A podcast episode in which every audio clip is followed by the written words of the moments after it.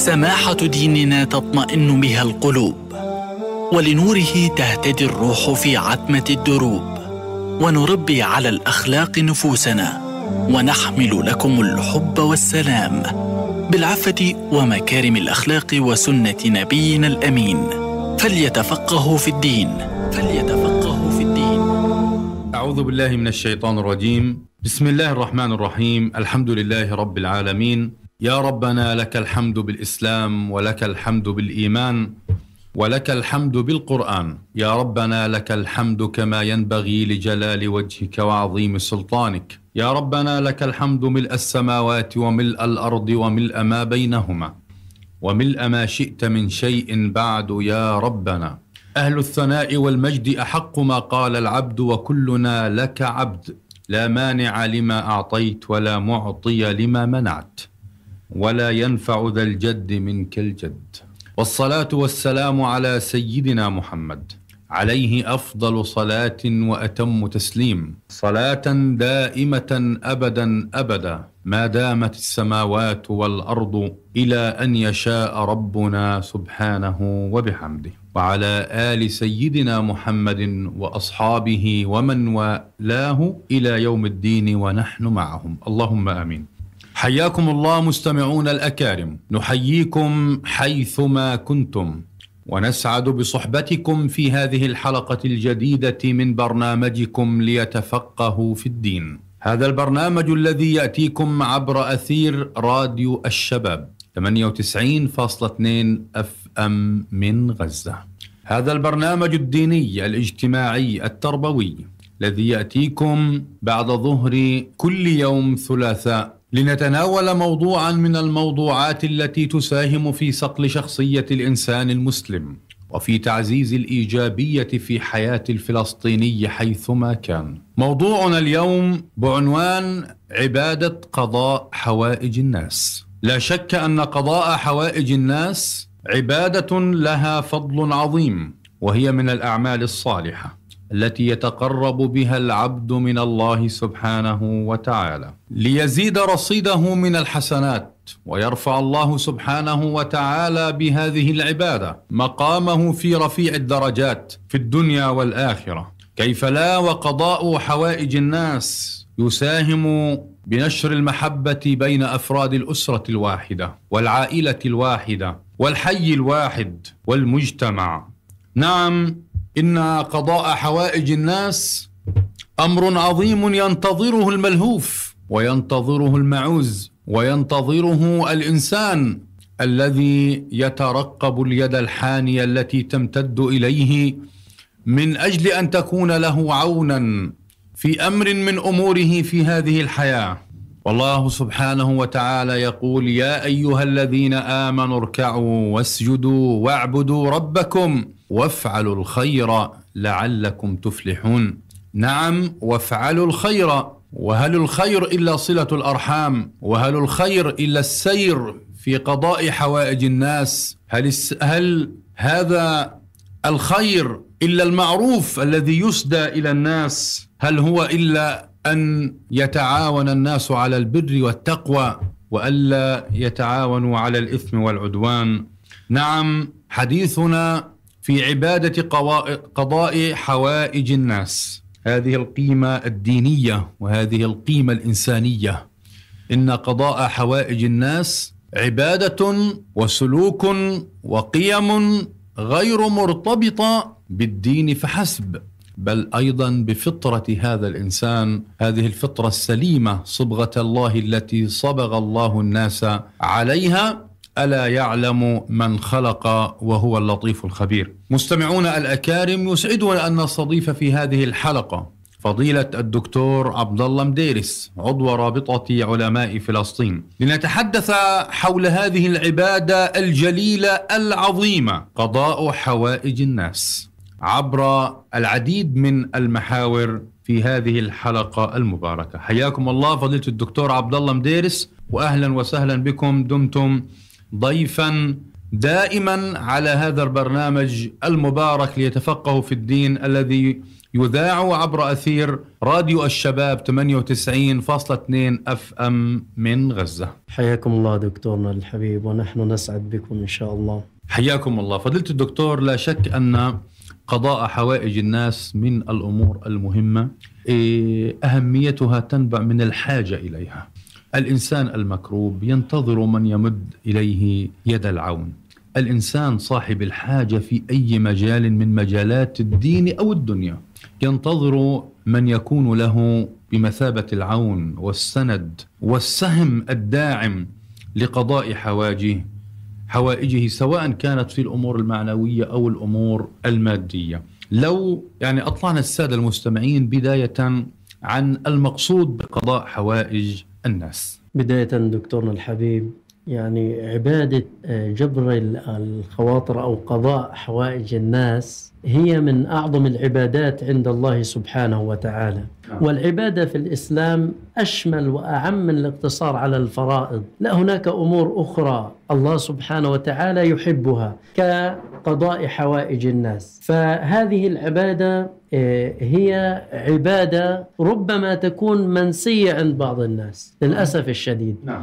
وقد يعتقد الواحد أن قضاء حوائج الناس ليست يعني من اختصاصه. وهل يعني السؤال هنا هل أحد من الناس لا يحتاج إلى الآخر؟ أنا أجزم أن الله سبحانه وتعالى فقط هو الذي ليس بحاجة إلينا. وإلا الجميع كله بحاجة إلى الآخر. فالإنسان الطبيب قد يحتاج ذاك الإنسان الذي يقوم بتصليح ذاك الشباك مثلا يعني. فكل إنسان يحتاج الآخر. لذلك نحن بحاجة شديدة إلى أن نرسخ هذا المفهوم عند الجميع. أن الجميع بيده ومن اختصاصه أن يقوم بمساعدة الآخرين. لذلك لا يتنصل الواحد منا في هذا الجانب. ونريد أن نصحح خطأ شائع يتعلق بمفهوم هذه العبادة إيه، أنه بعض الناس فقط يعتقد أنه عبادة قضاء الحوائج تقتصر فقط على نعمة المال. يعني فقط الأمور المادية. ليس آه، ليس الأمر كذلك. ليس الأمر كذلك نعم. وهذا خطأ بين. إنما قضاء حوائج الناس مثلا نعمة من نعم الله سبحانه وتعالى أنعم بها عليك ولم ينعمها على غيرك. مثلا إنسان أنعم عليه بالمال فيعطي من لا مال له إنسان مثلا أنعم الله عليه بالصحة يقوم بمساعدة الضعفاء نعم. إنسان أنعم الله عليه بالنعمة نعمة كبيرة مثلا نعمة العقل والحكمة هذا الإنسان يقضي حاجة الناس في الصلح بينهم نعم. أو تعليمهم الخير آه، كذلك من أنعم الله سبحانه وتعالى تعالى عليه بنعمة السلطان والجاه هذا الإنسان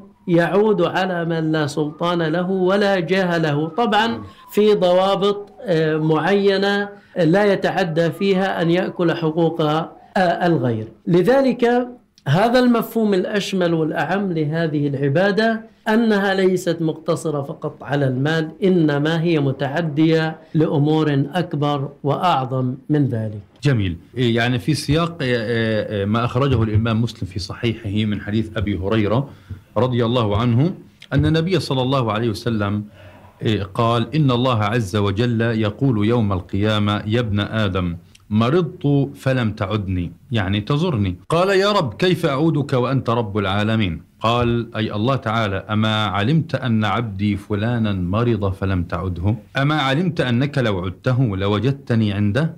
يا ابن آدم استطعمتك فلم تطعمني. قال يا رب وكيف أطعمك؟ وأنت رب العالمين. قال أما علمت أنه استطعمك عبدي فلان فلم تطعمه؟ أما علمت أنك لو أطعمته لوجدت ذلك عندي. يا ابن آدم استسقيتك فلم تسقني. قال يا رب كيف أسقيك وأنت رب العالمين؟ قال استسقاك عبدي فلان فلم تسقه. أما إنك لو سقيته لوجدت ذلك عندي. هذا الحديث ال- في صحيح الإمام مسلم النبي عليه الصلاة والسلام يحدثنا عن حوار يكون بين الله سبحانه وتعالى وبين العبد في جانب من جوانب قضاء حوائج الناس المريض المستسقي المستطعم إيه، وهكذا وأن الله سبحانه وتعالى قال لوجدتني عنده أو لوجدت ذلك عندي. في سياق ذلك لعل أعظم من ترجم العمل بهذا الحديث بهذا الحديث هم الأنبياء والمرسلون. لو تحدثنا عن حال الأنبياء حال السلف سلف الأمة مع هذه العبادة العظيمة عبادة قضاء حوائج الناس. يمكن المثال المشهور في هذا الأمر سيدنا موسى عليه السلام عندما ورد ماء مدين نعم. وجد عليه أمة من الناس يسقون ووجد من دونهم امرأتين. تذودان قال ما خطبكما؟ قالتا لا نسقي حتى يصدر الرعاء. طبعا وأبونا شيخ كبير. فقام بالسقاية لهما. نعم. وهذا كان دافع من موسى عليه السلام في باب مساعدة الآخرين في باب أنه يقضي حوائج هؤلاء آه الناس. وهذا من فضل الله سبحانه وتعالى أنه أغاث الملهوف. كذلك سيدنا محمد صلى الله عليه وسلم. تذكر معي عندما يعني نزل جبريل عليه السلام آه اقرأ ما أنا بقارئ إلى أن أتى زملوني زملوني عند السيدة خديجة أمنا رضي الله تعالى عنها فقالت كلمات في حق النبي صلى الله عليه وسلم قالت كلا والله ما يخزيك الله أبدا إنك لتصل الرحم وتحمل الكل وتكسب المعدوم وتقري الضيف وتعين على نوائب الحق. هذه الصفات كلها الجامع المشترك بينها هو قضاء حوائج الناس. فهذا يعني أمر عظيم. آه، كذلك ما رواه جابر رضي الله تعالى عنه ما سئل رسول الله صلى الله عليه وسلم شيئا قط فقال لا. وهذه يعني دلالة كبيرة أن النبي صلى الله عليه وسلم آه، كان يسعى في حوائج الناس وسار على دربه الخلفاء الراشدون أبو بكر الصديق رضي الله تعالى عنه. كذلك عمر بن الخطاب كان يتعاهد بعض الأرامل فيسقي لهن الماء آه، حتى إنه آه، طلحه رأى في الليل عمر بن الخطاب رضي الله تعالى عنه. نعم. دخل سيدنا عمر بيت امرأة فدخل إليها طلحه نهارا. دي شوف إيش كان بيعمل عمر رضي الله تعالى عنه. فإذا عجوز عمياء مقعدة فسألها ما يصنع هذا الرجل عندك؟ قالت هذا له منذ كذا وكذا يتعاهدني. إيش يعني؟ يقوم بقضاء حاجة هذه المرأة. يأتيني بما يصلحني ويخرج عني الأذى. فقال طلحة ثكلتك أمك يا طلحة. عثرات عمر. تتتبع نعم. يعني آه، أراد آه، شيئا لكن سبحان الله وجد أن عمر رضي الله تعالى عنه كان يسير في قضاء حاجة هذه المرأة. آه، سيدنا مجاهد يقول صحبت ابن عمر في السفر ليقوم في خدمته فكان يخدمني أكثر. ما شاء الله. في كلام جميل جدا لحكيم بن حزام آه، إنه كان يحزن على اليوم الذي لا يجد فيه محتاجا ليقضي له حاجته. فيقول ما أصبحت وليس ببابي صاحب حاجة إلا علمت أنها من من المصائب التي أسأل الله الأجر عليها. تخيل يعني إنسان بيستنى حدا يجي يطرق بيته ليسأل حاجته ليقوم هو بمساعدة هذا آه، المحتاج لهذا الأمر. وإذا ما أتاه يحزن كثيرا. آه، كذلك يعني عندما يحث الإسلام على السعي لقضاء حوائج الناس هنا في مقصود كبير كما ذكرت في بادئ الحلقة ألا وهو تعميق أواصر الأخوة التلاحم المحبة بين أبناء الأمة. فمثل المؤمنين في توادهم وتراحمهم وتعاطفهم كمثل الجسد الواحد. إذا اشتكى منه عضو تداعى له سائر الجسد بالسهر والحمى.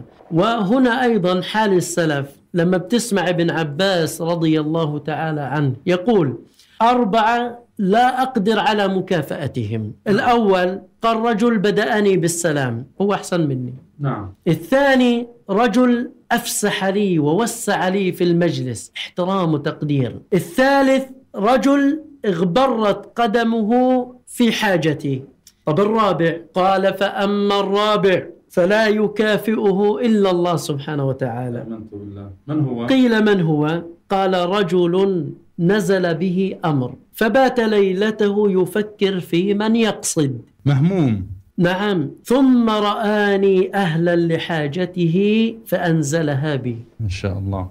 قصده.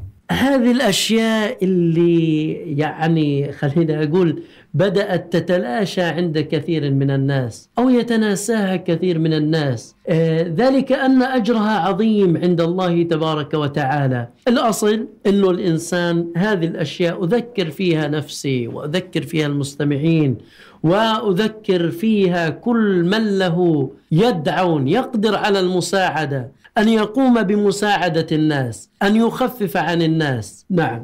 الله يجزيكم الخير. طيب فضيلة الدكتور يعني جميل. يعني بعض الشواهد الرائعة من حياة الأنبياء أو من حياة الصحابة والسلف. يعني لماذا؟ لماذا هذا الميل إلى قضاء حوائج الناس؟ ما هو الفضل الفضل هذه العبادة المترتب يعني حبذا أن نبين يعني شيئا من هذا للسادة المستمعين. علنا يعني نزداد همة ونشاطا في العمل على قضاء حوائج الناس المعنوية أو المادية بحسب استطاعة كل واحد منا. هنا وقفة مع حديث ابن عمر رضي الله تعالى عنه نعم. عن النبي صلى الله عليه وسلم. قال أن رجلا جاء إلى النبي صلى الله عليه وسلم فقال يا رسول الله يا رسول الله. أي الناس أحب إلى الله وأي الأعمال أحب إلى الله عز وجل؟ فقال رسول الله صلى الله عليه وسلم أحب الناس إلى الله تعالى أنفعهم للناس. ما شاء الله. وأحب الأعمال إلى الله عز وجل سرور تدخله على مسلم أو تكشف عنه كربة أو تقضي عنه دينا أو تطرد عنه جوعا ولئن أمشي. نعم. مع أخ في حاجة أحب إلي من أن أعتكف في هذا المسجد مسجد المدينة. نعم مسجد النبي صلى الله عليه وسلم. شهرا ما شاء الله ما شاء الله. ومن كف غضبه ستر الله عورته ومن كظم غيظه ولو شاء أن يمضيه أمضاه ملأ الله سبحانه وتعالى قلبه أمنا يوم القيامة. ومن مشى مع أخيه في حاجة حتى أثبتها له أثبت الله عز وجل قدمه على الصراط يوم تزول الأقدام قيم كبيرة قيمة نفع الناس نعم. قيمة إدخال السرور على المسلمين تفريج كرباتهم قضاء دينهم آه، دفع الجوع عنهم السعي في حاجتهم وفي مصالحهم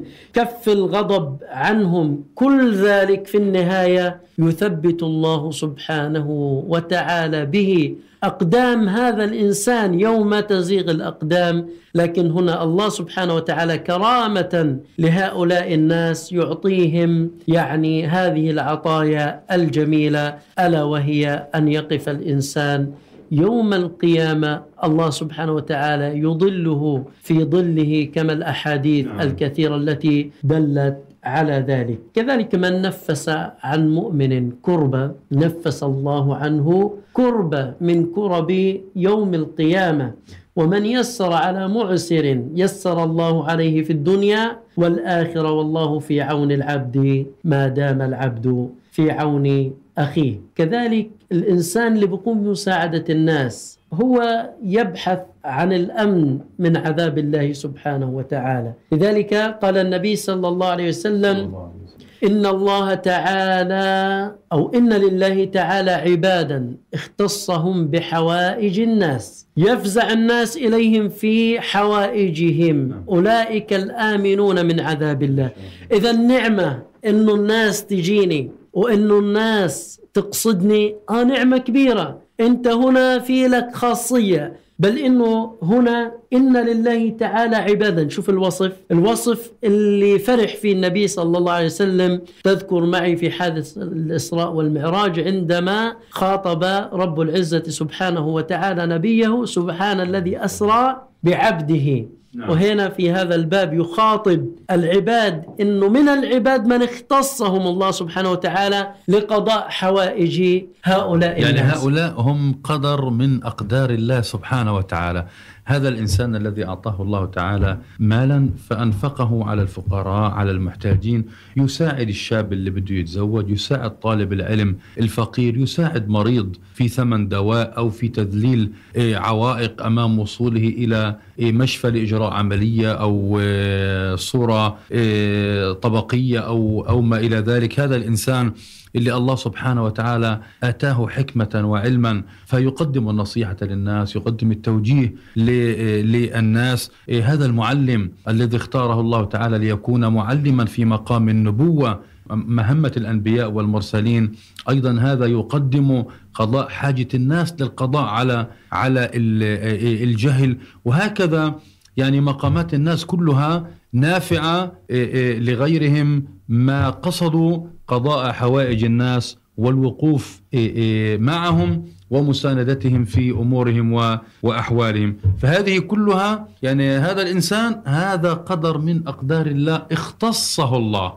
يعني هذا الاختصاص يعني جميل جدا اختيار واصطفاء من الله سبحانه وتعالى. إنه الإنسان الله بيختاره ليقضي حاجة فلان، يعني هو ما بيقدم من من ماله. فالمال مال الله سبحانه وتعالى والمشورة التي يقدمها والرأي الذي يقدم كل هذا يعني هبات من الله سبحانه وتعالى ينفع بها الآخرين. سبحان الله يعني حديث إيه، جدا جميل إن, إن لله عبادا اختصهم إيه، سبحانه بالنفع إيه، بالنعم لمنافع العباد. سبحان الله. في هذا الباب يا دكتور أنه قضاء حوائج الناس من أسباب دوام النعمة، هؤلاء الذين اختصهم الله سبحانه وتعالى لما بيقول ما من عبد أنعم الله عليه نعمة فأسبغها عليه. ثم جعل من حوائج الناس إليه، الآن صار في حاجة للناس إليه. نعم.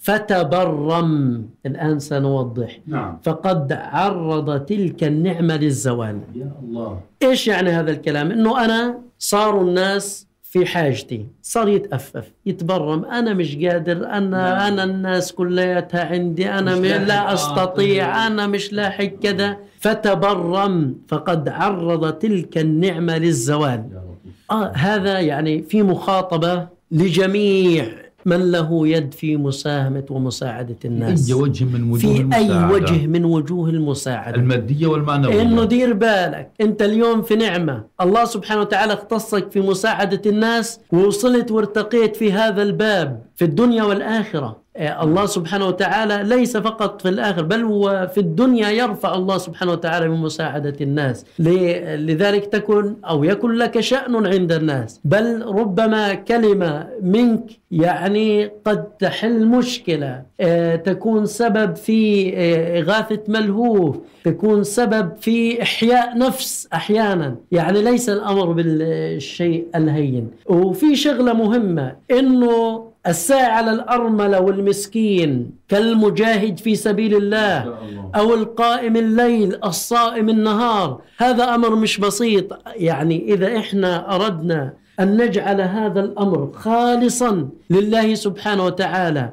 نتذكر ما عند الله تبارك وتعالى يهون علينا التعب والنصب. ولا نلجأ إلى التبرم ولا نلجأ إلى أن نتأفف من مساعدة الناس. جميل فضيلة الدكتور يعني حديثك الآن في ال- الحديث أنه حديث النبي صلى الله عليه وسلم أنه الساعي على الأرملة والمسكين كالمجاهد في سبيل الله. يعني الآن سبحان الله يعني هذا الحديث في عملية تكاملية لدور الخير. يعني هذا المجاهد يقف على الثغر يرابط في الثغر. الثغر بالعادة هو عادة بال بال بالعموم هو يعني خارج حدود السكن وما إلى ذلك على الأطراف. وهو يؤدي الرسالة في حماية الثغر الخارجي. فمن يعمل على حماية الثغر الداخلي اللي هي الحاضنة.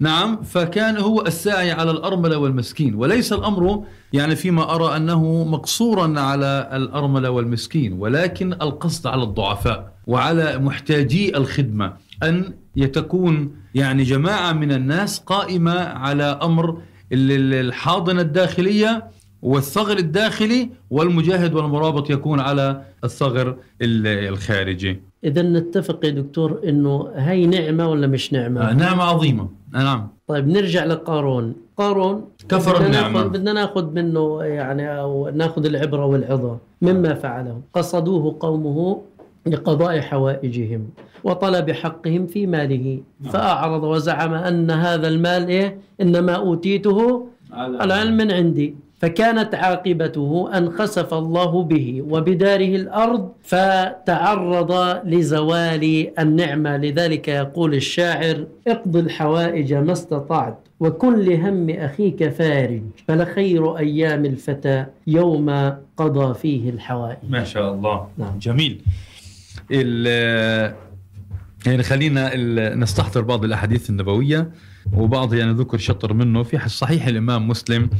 يرغب النبي صلى الله عليه وسلم بقضاء حوائج الناس فيقول عليه الصلاة والسلام من نفس عن مؤمن كربة من كرب الدنيا نفس الله عنه كربة من كرب يوم القيامة. ومن يسر على معسر يسر الله عليه في الدنيا والآخرة. ومن ستر مسلما ستره الله في الدنيا والآخرة. والله في عون العبد ما كان العبد في عون أخيه. ال- الجميل جدا الملفت للانتباه في هذا الحديث الشريف أنه يتحدث عن إيه، الترغيب والدعوة إلى الوقوف بجانب الناس الذين بحاجة إلى من يساندهم. وعلق هذا ال- الفعل على أمر عظيم جدا، الإنسان سبحان الله يعني يقدم شيئا في الدنيا يحتاج شيء موازي له في النفس البشرية برضه في الدنيا، يعني الحديث لو تحدث من نفس عن مؤمن كربة من كرب الدنيا نفس الله عنه كربة من كرب يوم القيامة إيه بيكفي. لكن الحديث بيتكلم اللي بيسر على معسر في الدنيا الله بيسر عليه في الدنيا والآخرة. ليس فقط في الآخرة. ليه؟ لأنه النفس يعني تستعجل إيه الخير. وسبحان الله إن الله تعالى يقول هل جزاء الإحسان؟ يعني إلا الإحسان.